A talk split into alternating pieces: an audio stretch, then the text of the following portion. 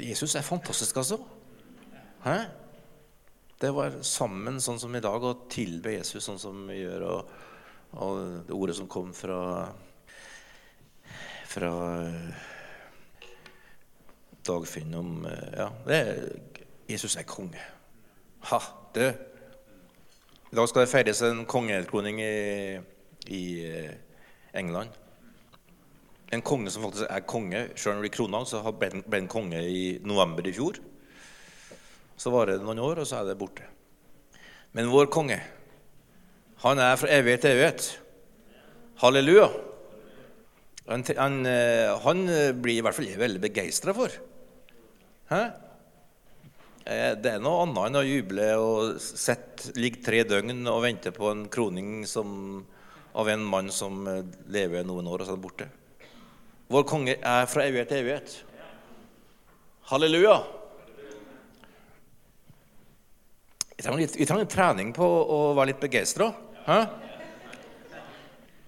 Øve oss litt på det. Nå vet jo vi som er RBK-supportere, at det er ikke så lett å være begeistra for tida når vi taper fortjent. Men, men eh, vi får følelser. Come on!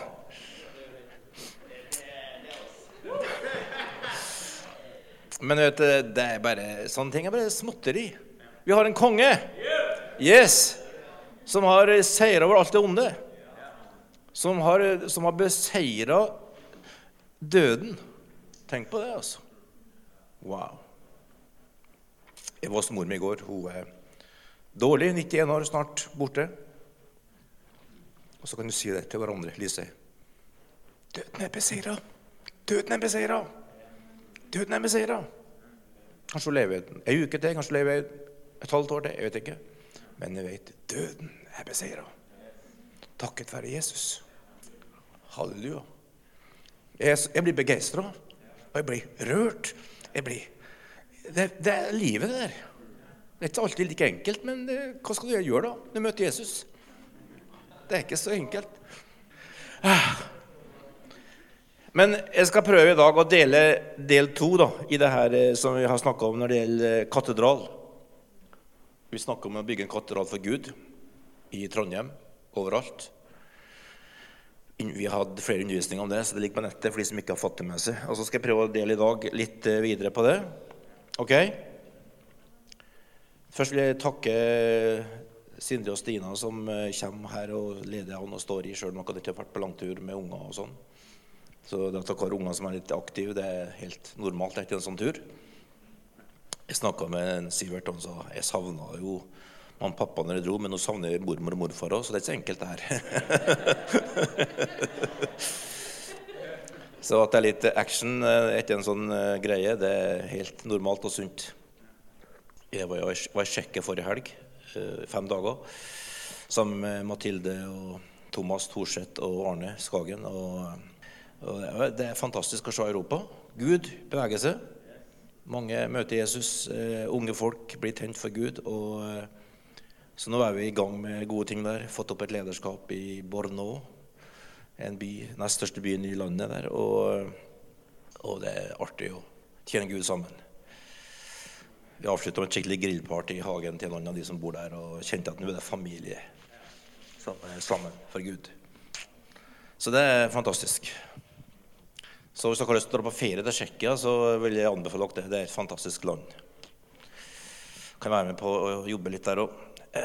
Yes. Nei, men nå skal vi altså snakke litt om uh, om uh, katedral som, by, som uh, Jesus bygger. Fordi at Nok husker, husker dere påskefesten vi nettopp hatt? Og så dere har lest der fra Matteus eller Markus eller fra, eller ifra Lukas eller Johannes, så kan vi følge den, i detalj, da, denne historien her. Eh, men det er en kjempeinteressant historie som står om Jesu korsfestelse i Johannes 19. Eh, som, som, eh, som, markerer noe av hele, hele nøkkelen for de nye kristne. Og da kommer vi inn på det som har med åpenbaring å gjøre, som eh, er en nøkkel i det her. Fordi at har du åpenbaring, så skjer det noen ting som, som, bare er, som bare er mm, fra Gud, som ingen eh, kan gi deg å, å forstå uten at Gud gir deg det. Så Derfor så ber jeg i dag om at du skal få åpenbaring. Og det å være menneske er faktisk at du har en evne til å se ting i det usynlige som du bare ser, og så sier du 'Det skal skje'. Dit skal jeg gå. Den utdanninga skal jeg ta. Den dama skal jeg gifte med. Den mannen vil jeg dele livet mitt med. Sånn skal mitt liv bli.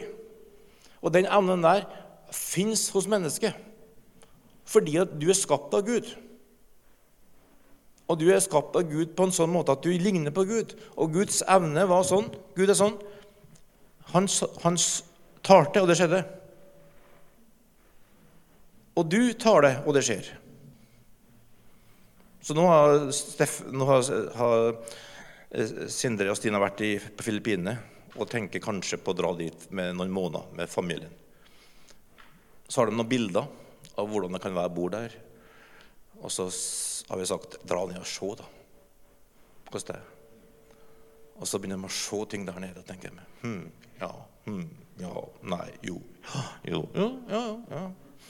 Og så har man ikke dratt, men de begynner å se for seg hvordan dette kan funke med tre barn i en verden som er fullstendig annerledes. Klimatisk, kulturelt, på alle måter. Men det starter her. Og alle dere som er her, har en, har en evne til å tenke og forstå usynlige realiteter. Og, det, og det, der kommer Gud, da. Så sier han nå skal du få en åpenbaring som gjør at du får bort rullegardina. Det her vinduet her er sånn som ikke gir åpenbaring. Det vinduet her er sånn som du kan, at mange kristne lever. De ser at det er noe rart der på sida, noe lyst, men de, de, har ikke sett nok til at de styrer det. For du kan ikke styre av det der. Der kan du bare se at det er noe lys, men du ser ikke noe egentlig. Da må du følge noen mennesker. da. Så tenker du nei, jeg, jeg henger med på en Håkon. Eller jeg henger med på en Mats. Det er jo ikke nok, vet du, for du er skapt til å se. Og når du ser Der ute er det en plen. Der ute er det et hus. Wow, der er det faktisk en sol.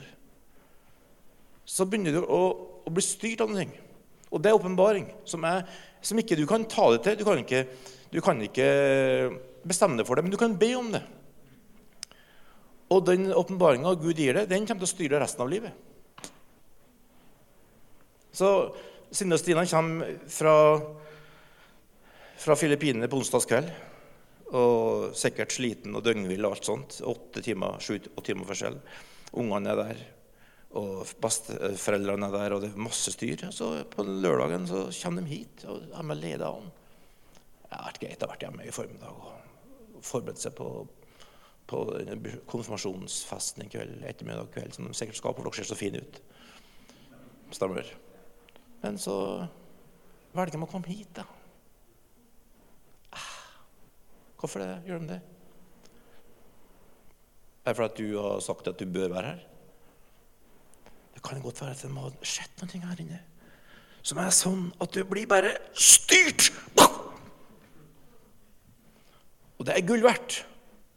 Det gir deg motivasjon, det gir deg tro, det gir deg overskudd, det gir deg framdrift, det gir deg retning. Da står det i utfordringer, da står det i utprøvelser, og du bare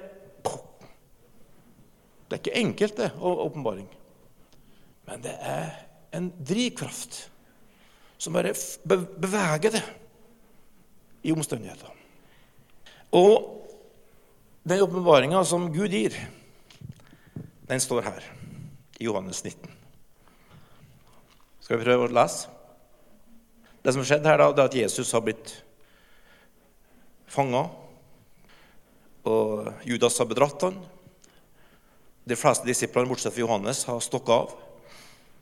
Og han har blitt korsfesta, den største, verste torturmetoden å dø for som fantes på den tida, som bare var for slaver og og ingen romere vært drept på den måten der. De vært halshugd. For det var en grusom måte å dø på, som var for de, de verste forbryterne og de største bedragerne og slavene. Det skjedde med Jesus. Og så kan vi lese fra vers 28. Jesus visste nå at alt var fullbrakt, og for at Skriften skulle bli oppfylt, sa han i tørster. Jeg skal ikke bruke tid på det i dag, men bare, bare tenk på det. At til og med her så lar Gud denne boka her bli oppfylt. Det er ingen plass det skjer så mye oppfyllelse av skriftord fra Gammeltestamentet i hele historien som når Jesus ble korsfesta. Der det tilsynelatende ser det som at Satan har fritt spillerom. Men til og med da så står det gang på gang hvis du leser i evangeliene dette skjedde for at Skriften skulle bli oppfylt. Det står gang på gang. Det tredje. Og nå skjer akkurat det her. Han er tørst. Og så, så, så står det da i vers 29 Det sto en, et kar der med vineddik. De fylte en svamp med den, satte svampen på en isopstilk og holdt den opp til bunnen hans. Da Jesus hadde fått vineddikken, sa han, 'Det er fullbrakt.' Så bøyde han hodet og utåndet. Det var helgeaften, og kroppene måtte ikke bli hengende på korset over sabbaten, for denne sabbaten var en stor høytidsdag. Jødene ba derfor Pilatus om at beina måtte knuses på dem, og kroppen ble tatt ned. Det vil si, de skulle drepes, for da kvertes de. Hvis de enda var liv i dem, for å få fortgang i døden. Soldatene kom da og knuste beina først på den ene og så på den andre som var blitt korsfestet sammen med Jesus. Da de kom til Jesus, så de at han alt var død, og de knuste ikke hans bein. Men en av soldatene stakk ham i, siden med et spyd, og straks kom det ut blod og vann. Han som så det, har vitnet om det, for at også dere skal tro. Hans vitneutsagn er sant, og han vet at han taler sant. Dette skjedde for at dette ordet i Skriften skulle bli oppfylt. Ikke et bein på, brytes på ham. Så, så her altså får Johannes del en åpenbaring som han deler med oss. Og som du kan få lov til å få del i. Nemlig at menighet handler om blod og vann. Er ikke det enkelt? Er det, er kurant? Er det fantastisk? Wow. Da er det to uttrykk for menighet. En katedral verdt milliarder. Og, og det andre er noen folk som står sammen. Og Det Jesus gjør her på korset, det er at han han, han, demonstrerer hva det er snakk om, for der sa han det er fullbrakt. Og hva var fullbrakt her? Hva er fullført her? Hva som er Ordet 'teleios' som står der, betyr at ting er gjort fullstendig, helt gjennomført. Alt er gjort som skal gjøres. Og Det betyr veldig enkelt at, at når Jesus døde på korset, så fødte han en ny kropp. Og den kroppen som Jesus ga for oss, var en kropp som ble utøst av blod. Og alle som var i den kulturen her, visste at blod var en konstant påminning om at de var syndere og ikke hadde sjans, og at hver dag ble blod ofra av prestene. Hver dag ble det ofra lam, og det ble ofra okser, og det ble slakta fordi at Jesus, Gud var hellig. Gud var utilregnelig. De måtte ha blod for å overleve. Mens Jesus kom, og Johannes sa, 'Se der, Guds lam, som bærer verdens synd'. Og så skjer da det her at Jesus dør på korset, og så renner blodet ut. Og så kan de forstå at de for alltid er ferdig med dårlig samvittighet, med å leve under synd, leve under skyld, leve under fordømmelse, leve under åket av ikke strekk til, fordi at han har gjort ting helt. Teleios fullstendig, fullkomment. Det er rart at vi elsker en sånn konge. Wow! En konge som, som bare er full av uh, nåde og tilgivelse. Og som, og som bare sto opp fra døde og bare rydda opp. Og når du har oppdaga at du har kommet inn i det livet der at blodet renner fra kroppen til Jesus, så vet du at Jesus fødte en ny kropp den dagen der. Husker dere sist undervisning hadde? Fra Efesbrevet kapittel 2. Det er sikkert å huske det, men jeg kan minne dere på det. For der står det altså i vers, kapittel 2 og vers 14.: For Han er vår fred, Han som gjorde de to til ett og rev ned den muren som, som skilte, fiendskapet, ved sin kropp har han opphevet loven med dens bud og forskrifter. Slik stiftet han fred da han av de to, altså hedninger og jøder, skapte ett nytt menneske i seg. I én kropp forsonte han dem begge med Gud da han døde på korset, og slik drepte fiendskapet. Så du er faktisk ikke medlem i et hus der du går til, men du er kommet inn i et nytt menneske når du er født på ny. Du ble født inn i et nytt menneske, inn i Kristus. Så hvis du tror at du er medlem i en menighet eller et kirke, eller sånn, så tar du juridisk sett ikke feil, men i forhold til Guds rike tar du veldig feil. For når du så at Kristus døde for det, så ble du født inn i den kroppen til Jesus når du tok imot evangeliet, lot deg døpe vann og Den hellige ånd, omvendte og omfavnet Jesus og sa 'Du er min'. Så kom du inn og ble en del av kroppen. Og i den kroppen så flyter blod. Det er konstant blødning. Det starta på, på, i påska. Og den, det blodet, det er forsoningens tjeneste. Som du har fått del i. Så du og jeg er, er levende bevis på at Jesus tilgir. Du og jeg er levende på at Jesus er en ny konge som kommer og, og rydder opp. Eh, jeg møtte folk på, i Tsjekkia som har hatt et utrolig krevende liv og opplevd utrolig mange ting. En har vært i fengsel under kommunisttida. Opplevd mye urett. Fikk ikke utdannelse, for han var kristen. Og han, og han var levd et liv for Jesus og, og, og bare opplevd diskriminering og fengsel og, og, greier i masse år. Han var litt eldre enn meg. Så, kom han, så delte han vitnesbyrdet og sa Vet, Jesus tilga meg. Blod rant for meg. Så jeg tilgir de. Jeg velsigner de. Jeg, jeg lar ikke bitterheten ødelegge. Jeg har fått fire barn. De har fått utdanning. En er lege, en er jurist. De har fått det ikke jeg fikk. Gud er fantastisk. Gud er stor. Blodet har rensa meg. Jeg er ny. Wow. Jeg kan ta deres historie som sitter her. Alle dere som sitter her, dere, dere vet nok sjøl. Uten Jesus. Uten Jesus.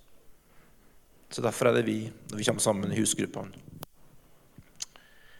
ikke snakke om å bruke tida på hvor mye penger vi har i banken, eller hvor gode jobber vi har, eller hvor mange seire vi har vunnet på egen hånd, men vi deler Jesus. Vi tar et brød og sier vi tilhører Jesus sammen. Vi tar et blod, vi tar eh, vin eller druejus eller hva vi har, og så sier vi vi tilhører samme kongen. Vi er et uttrykk for Jesus. Og så har vi fått forsoningens tjeneste.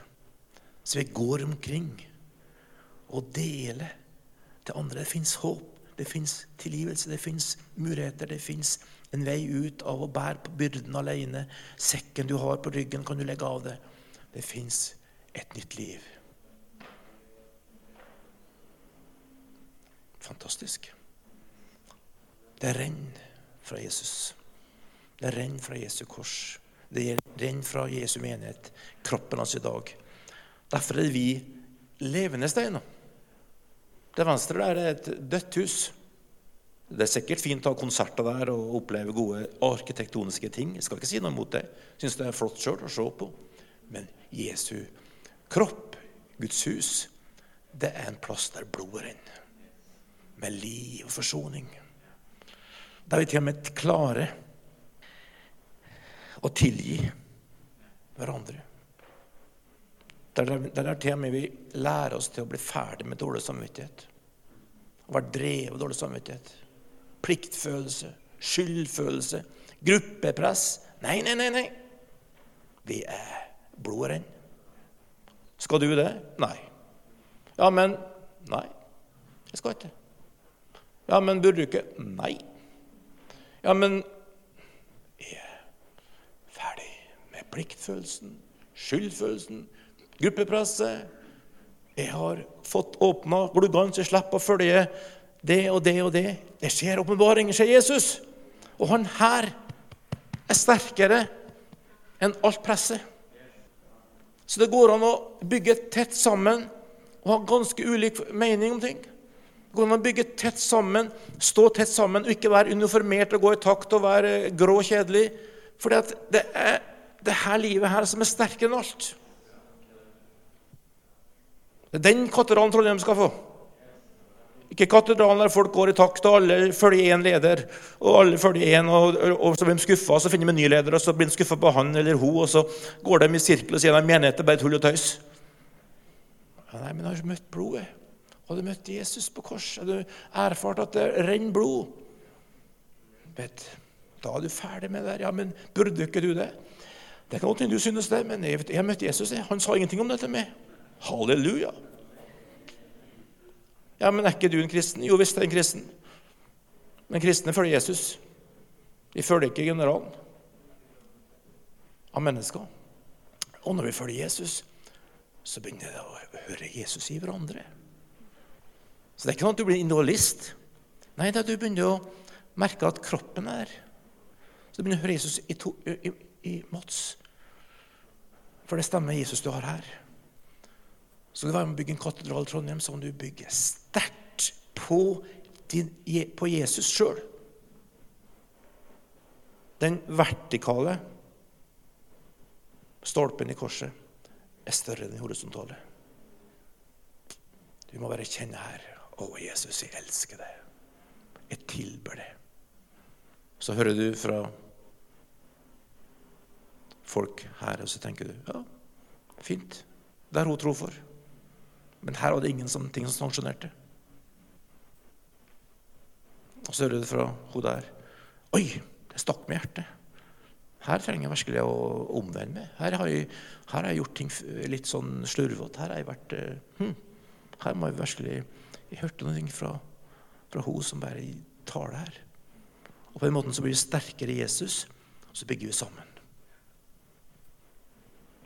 Så det å bli La blodet renne. Det er konge, folkens. Og jeg vil innføre dere å være med på det her. Dere har veldig gode ledere i menigheten her, men litt for gode. Ingen av dere som nesten blir provosert av dem heller. For det fine med å få ledere som er litt kantete, at folk blir drevet inn til Jesus. Er det her jeg mener? Men jeg er kjempeglad for de gode lederne dere har i menigheten. her. Men det må bety at vi er så sterke i Jesus sjøl at vi klarer å ha forankringa der, slik at blodet kan renne. Halleluja. Altså, skjer det mer her, da? Fra Jesus' side.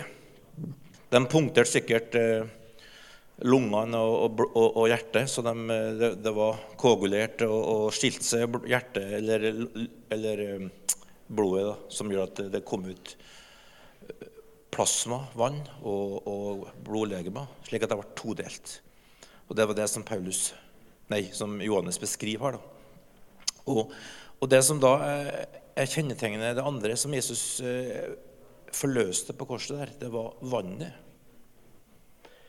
Nå har jo vi nettopp Lise vært i Israel, så vi skjønner jo mer av hvorfor vann er så kjempeviktig. Dere som er oppvokst i Bergen eller i Trondheim eller, eller hvor som helst i Norge, dere vet jo at det er litt i meste laget i Norge for, når det gjelder vann.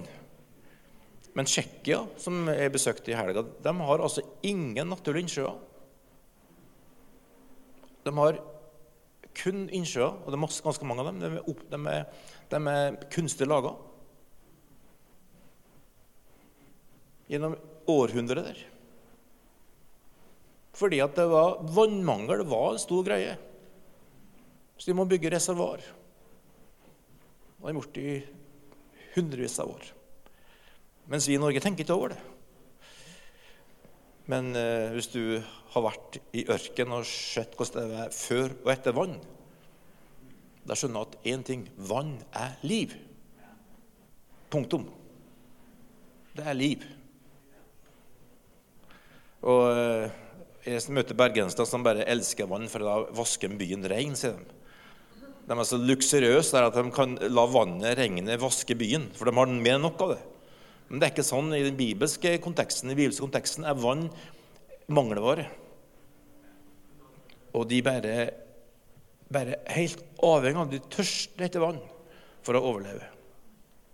Og, og, og, og har du sett Jesus som gir vann, som gir liv. Du vet når Jesus ropte på korset 'Det er fullbrakt' og oppga ånden, og spydet ble satt og perforerte kroppen, og det blodet vannet kom ut, så begynte det å renne et liv. Det første han sier når han møter disiplene, er Gå ut og forkynne evangeliet. Ta imot Den hellige ånd. Og så sier han, vent. Vent med å gå til dere får Den hellige ånd. fordi at uten Hellige ånd så har dere ikke kraft. Dere, dere, dere går i ørken, og ørkenlivet er skummelt. Ørkenlivet kan tørke dere helt opp. Så han sier, vent til å få Den hellige ånd. Og derfor så sier Paulus i Efeserne 5, 17. Drikk av Ånden. Og, og, Det er fantastiske at du og jeg, som er her i dag, som har fått del i Guds liv i Jesu nåde og fått Den hellige ånd, vi er bærere av et sånt himmelsk liv. Så vi, vi, vi, vi er aliens, vi, med jorda her. Vi har noe, noe, med oss som er litt utenomjordisk. Vi, vi, har faktisk eh, ånden i oss. Så når vi sitter her sant, i dag og, og, og synger Gud, så, synger til Herren, så, så, er det jo den ånden her som bare sier 'Takk, Jesus'. For den kommer inn her tenker jo dere er steine gærne. Hva er det dere synger om? Skal sitte i ro og, og, og være alvorlig og, og liksom eh, det er ikke noe grunn til å drive og røre på kroppen og, mefte med armer og uh, snakke i babbel. Altså, er, hva slags opplegg er det her? Er dere aliens? Ja. Vi er det. Vi er født ovenfra. Vi har fått en sånn uh, sak her inne som heter Den hellige ånd, som bare er, er Gud sjøl. Og som bare beveger seg, og som bare, bare gjør ting i hjertet vårt. Og og så sier da eh, Gud at bli full av Den hellige ånd. Slik at ikke du bare klarer det sjøl, men at det bare renner ifra deg. Det er ikke for din men når, du, når det flyter over med vann, så, så, søles det. Vann det bare, det bare finner en vei, altså. Og det finner alltid veien til det laveste punktet. Der det er mest behov. Der det er mest vanskelig. Det er det mest krevende. Det er det, mest, eh, det laveste punktet, det laveste tyngdepunktet. Der havner vannet. For der er det mest sug. Derfor så, i dag så er det millioner av mennesker som står fram med vitnesbyrd om Guds kraft, om Guds seier, som kommer fra elendige forhold. Fattigdom, kriminalitet, prostitusjon, trafficking. You name it. For de har møtt vannet og bare forvandla og sier 'Jesus lever'. Han er fantastisk. Han gjorde verket. Han fylte meg med et nytt liv. Han er bare konge.